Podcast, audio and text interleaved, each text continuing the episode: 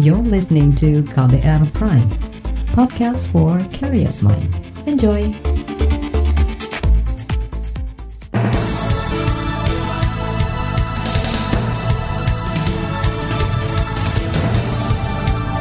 Selamat pagi saudara, kita berjumpa lagi di Buletin Pagi edisi Kamis 26 November 2020 bersama saya Eka Juli. Kami sudah menyiapkan sejumlah informasi pilihan di antaranya, Menteri Kelautan dan Perikanan Edi Prabowo ditetapkan sebagai tersangka. Jumlah pekerja anak meningkat selama pandemi COVID-19. Ribuan hektar hutan adat di Jambi terancam rusak akibat tambang ilegal. Inilah Buletin Pagi selengkapnya. Terbaru di Buletin Pagi. Menteri Kelautan dan Perikanan Edi Prabowo ditetapkan sebagai tersangka kasus dugaan suap izin usaha budidaya lobster dan ekspor benur. Selain Edi, Komisi Pemberantasan Korupsi atau KPK juga menetapkan enam tersangka lain, di antaranya beberapa staf khusus Edi dan istrinya serta pihak swasta. Hal itu disampaikan Wakil Ketua KPK Nawawi Pamolango dalam konferensi pers Rabu dini hari. KPK menetapkan tujuh orang tersangka, masing-masing sebagai penerima EP, SAF, APM, SWD, AF, dan AM sebagai pemberi SJT. Wakil Ketua KPK Nawawi Pamolango juga menjelaskan kasus suap ini terkait terbitnya surat keputusan Menteri KKP tentang tim uji tuntas izin budidaya lobster. Edi diduga menerima uang 3,4 miliar rupiah dari Suharjito, Direktur Dua Putra Perkasa, untuk memuluskan ekspor benur. Sebagian uang itu digunakan Edi untuk membeli barang-barang mewah saat lawatan ke Amerika Serikat. Presiden Joko Widodo menanggapi tertangkap tangannya Menteri Kelautan dan Perikanan Edi Prabowo oleh KPK melalui unggahan di media sosial. Jokowi menghormati proses hukum dilakukan KPK. Presiden yakin KPK bekerja transparan, terbuka, dan profesional. Hal senada juga disampaikan Menko Polhukam Mahfud MD ia mengatakan pemerintah mendorong KPK memberantas korupsi tanpa pandang bulu. Eh, pemerintah menyatakan bahwa pemerintah mendukung apa yang dilakukan oleh KPK eh, dan silahkan itu lanjutkan sesuai dengan hukum yang berlaku. Eh, pemerintah, terutama Presiden sudah berkali-kali mengatakan tegakkan hukum secara benar, jangan pandang bulu kepada siapa pun. Menko Polhukam Mahfud MD juga menegaskan pemerintah konsisten mendukung pemberantasan korupsi yang dilakukan KPK. Sementara itu, Wakil Ketua Komisi Bidang Kelautan DPR, Dedi Mulyadi, mengklaim sudah pernah memperingatkan Menteri Kelautan dan Perikanan Edi Prabowo terkait kebijakan ekspor benur atau benih lobster. Politikus Golkar ini menyebut ekspor benur semestinya dilarang karena merusak ekosistem dan populasi lobster, serta merugikan nelayan, Selain itu, target pasar ekspor benur justru ditetapkan ke negara-negara yang merupakan pesaing Indonesia dalam produk perikanan, salah satunya Vietnam. Partai Gerindra enggan menanggapi penangkapan Edi Prabowo. Ketua Harian DPP Partai Gerindra, Sufmi Dasko Ahmad mengatakan partainya masih menunggu hasil pemeriksaan KPK. Namun, penangkapan itu sudah dilaporkan ke Ketua Umum Gerindra Prabowo Subianto. Kami dari Partai Gerindra belum bisa berkomentar lebih jauh. Kami masih uh, menunggu uh, informasi yang valid dari uh, eh, KPK tentang itu dan kami mohon rekan-rekan bersabar dan untuk menunggu uh, perkembangan lebih lanjut. Itu tadi Ketua Harian Gerindra Sufmi Dasko Ahmad. Sementara itu, Sekjen Koalisi Rakyat untuk Keadilan Perikanan atau Kiara, Susan Herawati, justru menyinggung nama Sekjen Kementerian Kelautan dan Perikanan Antam November saat KBR menanyakan tentang mafia perikanan di Indonesia. Susan menyebut tertangkapnya Menteri KKP Edi Prabowo oleh KPK memperlihatkan ada kesalahan dalam praktik usaha tidak sehat di sektor perikanan aku rasa kalau petanya mungkin terbaca ya siapa saja parpol di belakang itu, siapa orangnya. Taruhlah beberapa waktu lalu menjadi pertanyaan besar ketika Pak Antam November ini terpilih menjadi sekjen KKP, padahal dari sejarahnya mungkin dia tidak punya track record kaitannya dengan urusan perikanan gitu ya. Harapan terbesar di pisau terakhir ini memang ada di KPK sih untuk kemudian membredel semua aktor maklar dari hulu sampai hilirnya. Sekjen Kiara Susan Herawati juga mencurigai banyak aktor politik yang terlibat dalam usaha ekspor benih lobster atau benur. Ia menuding nyaris separuh tokoh partai politik di Indonesia memegang izin ekspor benih lobster. Keberadaan mafia perikanan itu merugikan para nelayan. Pengamat politik dari Universitas Al-Azhar Indonesia, Ujang Komarudin, menilai Menteri Kelautan dan Perikanan Edi Prabowo harus diganti dengan orang yang lebih berintegritas. Ujang menilai kinerja kepemimpinan Edi buruk dengan melakukan kesalahan melalui serangkaian kebijakan kontroversial. Ya ini kan kasusnya kasus korupsi ya. Artinya uh, menteri mohon maaf yang tidak berintegritas. Dia harusnya cari orang-orang yang berintegritas dulu, orang yang jujur dulu, orang yang benar dulu. Orang pintar itu banyak di Indonesia ini. Orang hebat juga luar biasa banyaknya. Alumni luar negeri, profesor dokter udah banyak itu. Cuma persoalannya orang yang berintegritas ini, orang yang jujur ini, orang yang benar ini kita miskin di Indonesia ini. Kita defisit orang-orang yang seperti itu. Jadi sejatinya ya cari saja orang yang memang jujur, lalu memiliki kemampuan yang mumpuni di bidang itu. Itu yang yang paling mendesak diperlukan Jokowi. Itu tadi pengamat politik dari Universitas Al-Azhar Indonesia, Ujang Komarudin. Saudara di masa jabatannya sebagai Menteri Kelautan dan Perikanan, beberapa kebijakan Edi Prabowo juga dianggap kontroversial. Ia merevisi sejumlah regulasi yang dikeluarkan pendahulunya, Susi Pujiastuti, mulai dari membuka ekspor benur atau benih lobster, membolehkan alat tangkap cantrang, mencabut batasan ukuran kapal perikanan, dan hanya menenggelamkan kapal pencuri ikan milik asing yang melarikan diri saat disergap patroli saja.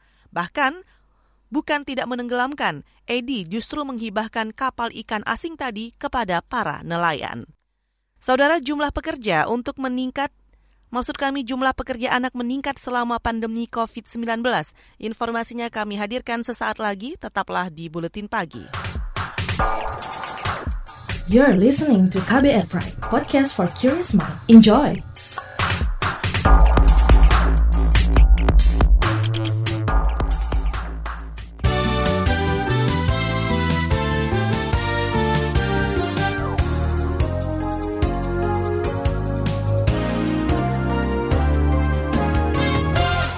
Anda sedang mendengarkan buletin pagi KBR.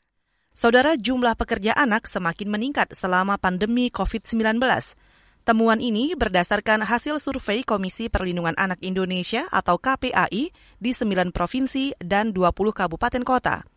Komisioner KPAI, Ai Mariati Solihah mengatakan, beban ekonomi menjadi pemicu keluarga mempekerjakan anak – mereka juga rentan menjadi korban praktik perdagangan orang.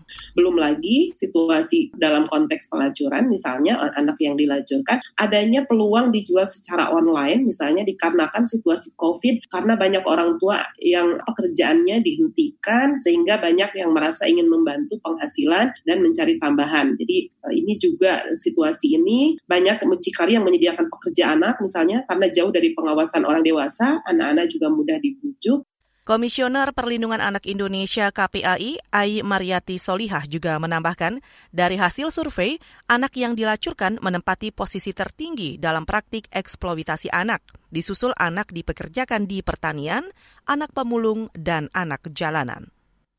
Saudara Wakil Presiden Ma'ruf Amin mengingatkan pentingnya kebijakan publik yang inklusif dengan melibatkan partisipasi aktif masyarakat – Proses itu bisa dimulai dari keterbukaan informasi publik dalam setiap proses pembuatan kebijakan. Dengan adanya keterbukaan informasi publik diharapkan masyarakat dapat dapat semakin aktif terlibat dalam proses pembuatan kebijakan publik mulai dari tahap perencanaan, implementasi, pemantauan hingga evaluasi kebijakan. Mekanisme check and balance yang melibatkan masyarakat penting dalam mewujudkan kebijakan publik yang tepat sasaran dan relevan dengan kebutuhan masyarakat. Wakil Presiden Ma'ruf Amin juga menyebutkan keterbukaan informasi merupakan upaya optimalisasi perlindungan hak masyarakat atas informasi publik, selain sebagai wujud dari pelaksanaan hak asasi manusia. Saudara Menteri Pendidikan dan Kebudayaan Nadiem Makarim menegaskan seleksi pegawai pemerintah dengan perjanjian kerja atau P3K bukan ajang pengangkatan satu juta guru honorer, Kata Nadim, hanya guru yang lolos seleksi yang bakal diangkat menjadi pegawai. Disediakan pembelajaran online-nya pun.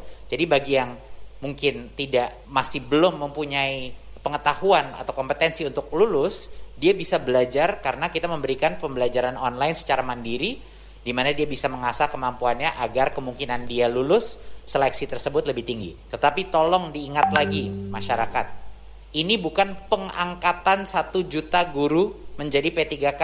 Ini adalah seleksi massal. Yang akan diangkat menjadi P3K adalah berapa yang lulus dari Mendikbud Nadiem Makarim juga mengatakan untuk seleksi P3K atau pegawai pemerintah dengan perjanjian kerja, tahun depan tidak akan ada lagi peserta prioritas. Semua peserta yang memenuhi syarat boleh mengikuti dan memiliki kesempatan yang sama. Seleksi P3K tahun depan akan diadakan secara ketat. Beralih ke berita ekonomi, Anggaran pendapatan dan belanja negara atau APBN pada 2021 masih akan difokuskan untuk menangani dampak COVID-19.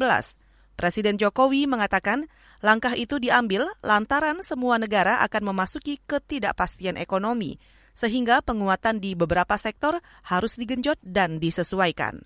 APBN tahun 2021 akan fokus kepada empat hal. Yang pertama, penanganan kesehatan. Ini masih dalam hal penanganan COVID, utamanya nanti akan fokus kepada vaksinasi. Oleh sebab itu, anggaran yang berkaitan dengan penguatan sarana dan prasarana kesehatan, laboratorium, penelitian dan pengembangan sangat diperlukan. Yang kedua, yang berkaitan dengan perlindungan sosial, terutama bagi kelompok yang kurang mampu dan rentan. Presiden Jokowi juga mengatakan APBN tahun depan naik 0,4 persen menjadi lebih dari 2,7 kuadriliun dibanding tahun ini. Nantinya lebih dari 1 kuadriliun untuk belanja kementerian dan lembaga, sedangkan 790 triliun lebih untuk transfer dana desa dan daerah, serta untuk melanjutkan program pemulihan ekonomi. Beralih ke berita mancanegara, Otoritas Kesehatan Amerika Serikat berencana merilis 6,4 juta dosis vaksin COVID-19 buatan Pfizer secara nasional. Namun, distribusi awal masih harus menunggu izin penggunaan darurat dari Badan POM Amerika. Keputusan itu akan ditetapkan pada 10 Desember mendatang. Pemerintah Amerika menargetkan 40 juta dosis vaksin COVID bakal didistribusikan hingga akhir tahun. Kita ke berita olahraga. Publik dunia berduka atas meninggalnya legenda sepak bola asal Argentina, Diego Maradona, dalam usia 60 tahun karena serangan jantung. Maradona tutup usia tiga minggu setelah meninggalkan rumah sakit usai menjalani operasi otak. Kepergian pemain yang tersohor dengan gol tangan Tuhan ini ditangisi oleh penggemar dan tokoh sepak bola dunia, seperti Pele, Lionel Messi, dan Cristiano Ronaldo. Presiden Argentina Alberto Fernandez menetapkan tiga hari masa berkabung.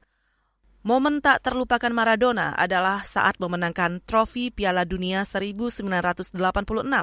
Namun, gol tangan Tuhan terjadi saat Argentina mengalahkan Inggris di perempat final. Laporan khas KBR bertajuk Beda Nasib Serapan Insentif Usaha di Program Pemulihan Ekonomi Nasional. Kami hadirkan sesaat lagi, tetaplah di Buletin Pagi. You're listening to KBR Pride, podcast for curious mind. Enjoy!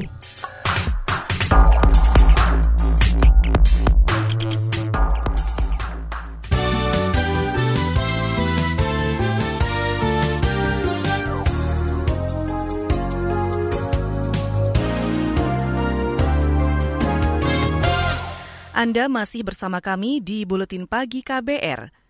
Realisasi anggaran program pemulihan ekonomi nasional baru mencapai 58 persen jelang akhir tahun. Insentif dunia usaha dan pembiayaan korporasi berkontribusi pada seretnya realisasi serapan. Hal ini berbeda dengan insentif untuk usaha mikro kecil dan menengah atau UMKM yang sudah terserap lebih dari 80 persen. Mengapa demikian? Simak laporan tim KBR yang dibacakan Valda Kustarini. Muhammad Zul Atsari Girang ketika mendapat pesan singkat yang memberitahukan dirinya berhak mendapat bantuan presiden untuk UMKM. Pengusaha kuliner ini terdaftar sebagai penerima bantuan sebesar 2,4 juta rupiah karena menjadi nasabah pegadaian. Proses pencairan dana pun cepat dengan syarat yang mudah di notifikasi itu disebutin bahwa kalau yang nasabah pegadaian itu dapat bantuan itu gitu loh. Kemudian juga ada usaha juga. Ya udah habis itu itu tadi saya ngecek ke link di BRI itu soal bantuan BPUM itu ada nama saya langsung ngurus-ngurus BRI-nya, saya formulir, terus pembukaan rekening BRI baru, terus sama foto usahanya apa, udah deh habis itu saya cair langsung. Zul berkisah, mulai berjualan ayam bakar dan ayam goreng sejak masa pandemi. Namun, ia baru memasarkannya lewat daring dengan omset sekitar Rp500.000 per bulan. Buat Zul, bisnis ini lumayan sebagai penghasilan tambahan. Insentif tunai yang diterimanya juga membantu usahanya tetap bertahan. Kalau saya sih lumayan membantu sih mbak karena pada saat buka awal itu kan e, ngeluarin modal yang lumayan gitu ya kayak perlengkapan masaknya, terus sama kuliner itu kan juga kita harus dan makanan gitu. Lumayan membantu juga sih. Lebih kayak bantuan supaya masih tetap jalan aja sih usahanya. Ketua Umum Asosiasi UMKM Indonesia, Ihsan Ingratubun membenarkan banyak pelaku UMKM memanfaatkan insentif yang diberikan pemerintah. Insentif itu tak hanya bantuan tunai, tetapi juga subsidi listrik hingga restrukturisasi kredit. Prosedur yang mudah juga membuat bantuan cepat terserap. Kalau jalurnya ke apa misalnya 12 juta, 2,4 juta untuk 12 juta kan melalui dinas uh, eh, UKM setempat ke provinsi terus naik ke naik ke UKM terus peraturan OJK 11 itu kan kepada leasingnya atau kepada perbankannya diajukan permohonan untuk disetujui. Nah, terus kalau pen itu kan melalui tiga uh, penugasan bank dan juga ada bank swasta yang lain. Hingga November ini, bantuan untuk UMKM sudah terserap lebih dari 95 triliun rupiah atau hampir 85 persen dari anggaran. Kondisi ini jauh berbeda dengan realisasi insentif usaha non-UMKM yang belum menyentuh 40 persen. Bahkan, untuk pembiayaan korporasi, realisasinya jauh lebih rendah, yakni baru 3 persen lebih. Menurut Wakil Ketua Perhimpunan Hotel dan Restoran Indonesia, Maulana Yusron, insentif dunia usaha seperti relaksasi pajak tak banyak diminati, sebab program itu tak banyak membantu pengusaha yang terdampak pandemi yang fiskal itu yang pajak itu ya. Ya kayak diskon, diskon 30 persen. Kalau yang UMKM memang digratiskan sampai bulan Desember kan. Kalau yang ini diskon 30 persen. Nah itu, tapi itu juga nggak optimal. Kenapa? Karena memang perusahaan sebenarnya mencatat kerugian, tapi kita nyicil tiap bulan akhirnya jadi overpayment kan. Itu yang selalu kita permasalahan. Maulana berharap anggaran insentif dialihkan menjadi subsidi modal. Kalau mau dibantu, bantu pelakunya dulu. Kalau pelakunya nggak dibantu untuk bertahan, otomatis mereka kolaps. Begitu kita proses untuk program recovery, pelaku usahanya nggak ada kan kita kehilangan supply. Kalau supply-nya hilang, dampaknya kepada tenaga kerja. Otomatis angka kemiskinannya meningkat dalam jangka waktu yang cukup panjang. Peneliti Indef, Tauhid Ahmad menilai insentif dunia usaha seret realisasinya karena sejumlah faktor. Di antaranya, prosedur yang panjang hingga sosialisasi yang minim. Selain itu, tak semua usaha berhak mendapat insentif karena ada proses pemeriksaan tingkat kepatuhan pajak sampai proses administrasi yang cukup banyak. Kedua adalah tidak semua sektor itu mendapatkan fasilitas insentif perpajakan. Beberapa sektor saja yang sesuai dengan PMK yang dianggap terkena dampak COVID-19. Adapun untuk pembiayaan korporasi, Tauhid menyarankan agar anggarannya dialihkan untuk program perlindungan sosial atau bantuan UMKM. Sebab program ini lebih banyak menyasar BUMN dengan skema mirip penyertaan modal negara sebenarnya banyak BUMN yang tidak layak mendapatkan fasilitas korporasi tersebut. Sehingga pemerintah melihat sebenarnya ini memang tidak perlu dilakukan pada tahun ini. Sebenarnya beberapa BUMN tersebut akan mendapatkan PMN pada tahun 2021. Untuk menggenjot realisasi di sisa waktu yang ada, Tauhid mendorong pemerintah mempermudah prosedur penerima insentif dunia usaha. Jenis usaha yang berhak menikmatinya pun perlu diperluas. Namun, Tauhid memprediksi capaian realisasi program pemulihan ekonomi nasional tak akan menyentuh 70 persen. Menurut rata-rata bulanan saya udah hitung ya sekitar 67,8 itu ya. Itu yang saya melihat memang sampai akhir tahun waduh luar biasa kalau misalnya sampai di atas 67,8 ya itu berarti growth-nya sudah di atas perkiraan saya. Demikian laporan tim KBR. Saya Valda Kustarini. Itu tadi laporan khas KBR bertajuk Beda Nasib Serapan Insentif Usaha di Program Pemulihan Ekonomi Nasional. Selanjutnya kami hadirkan berita dari daerah, tetaplah di Buletin Pagi. You're listening to KBR Pride, podcast for curious mind. Enjoy!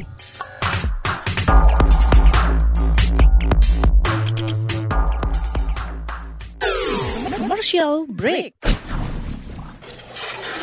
Ita Biliana, psikolog dari Lembaga Psikologi Terapan UI, memberi pesan kepada teman-teman Broken Home untuk meraih masa depan yang terbaik. Terlepas bagaimana kondisi rumahmu, bukan kondisi orang tuamu, itu ya kamu adalah individu sendiri yang punya hak dan punya kemampuan untuk menentukan nanti ke depannya mau gimana gitu. Jadi apa yang terjadi di belakang kamu tuh it doesn't define who you are atau yes. who will you be gitu aja, who you will be. Simak obrolan selengkapnya dalam podcast Disco Diskusi Psikologi dalam episode Masa Depan Anak Broken Home di kbrprime.id dan platform mendengar podcast lainnya.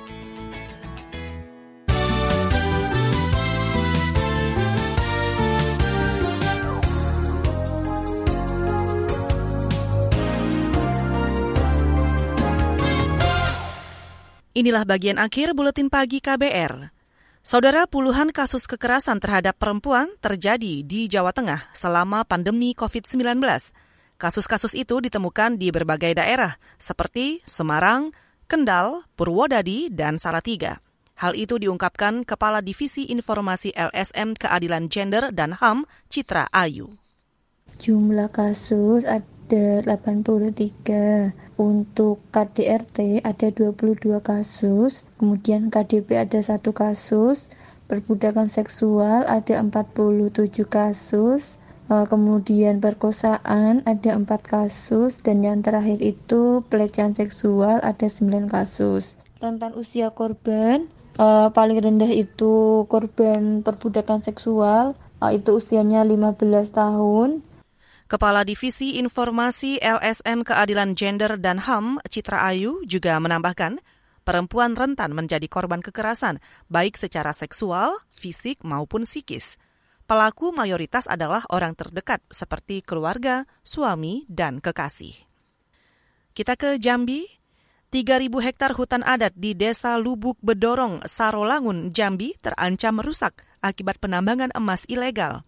Terdapat puluhan lubang bekas lubang besar bekas galian tambang yang dibiarkan begitu saja oleh penambang liar. Pelaksana tugas Bupati Sarolangun Hilalatil Badri mengatakan telah menganggarkan dana 200 juta rupiah untuk menangani penambangan emas ilegal di sana. Konteks 2021 ini sudah menganggarkan untuk kegiatan uh, ini, ini lebih kurang 200 juta ya karena memang ini perlu koordinasi dengan pemerintah provinsi PLT Bupati Sarolangun Hilalatil Badri juga menambahkan tim gabungan beberapa kali gagal membekuk penambang liar saat menggelar razia. Kata dia, penambangan emas ilegal juga kerap menyulut konflik dengan warga sekitar lokasi tambang.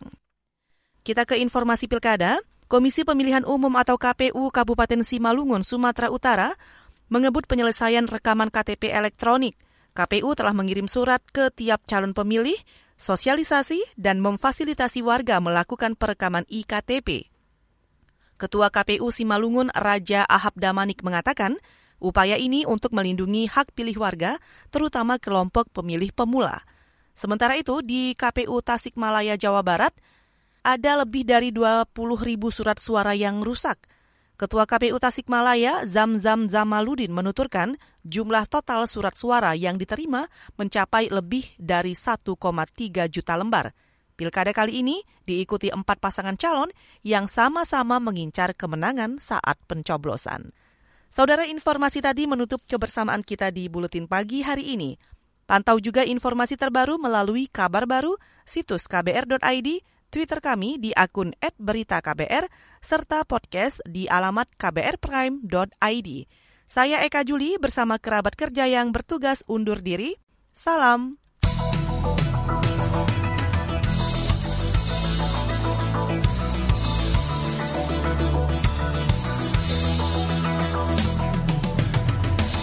KBR Prime, cara asik mendengar berita. KBR Prime, podcast for curious mind.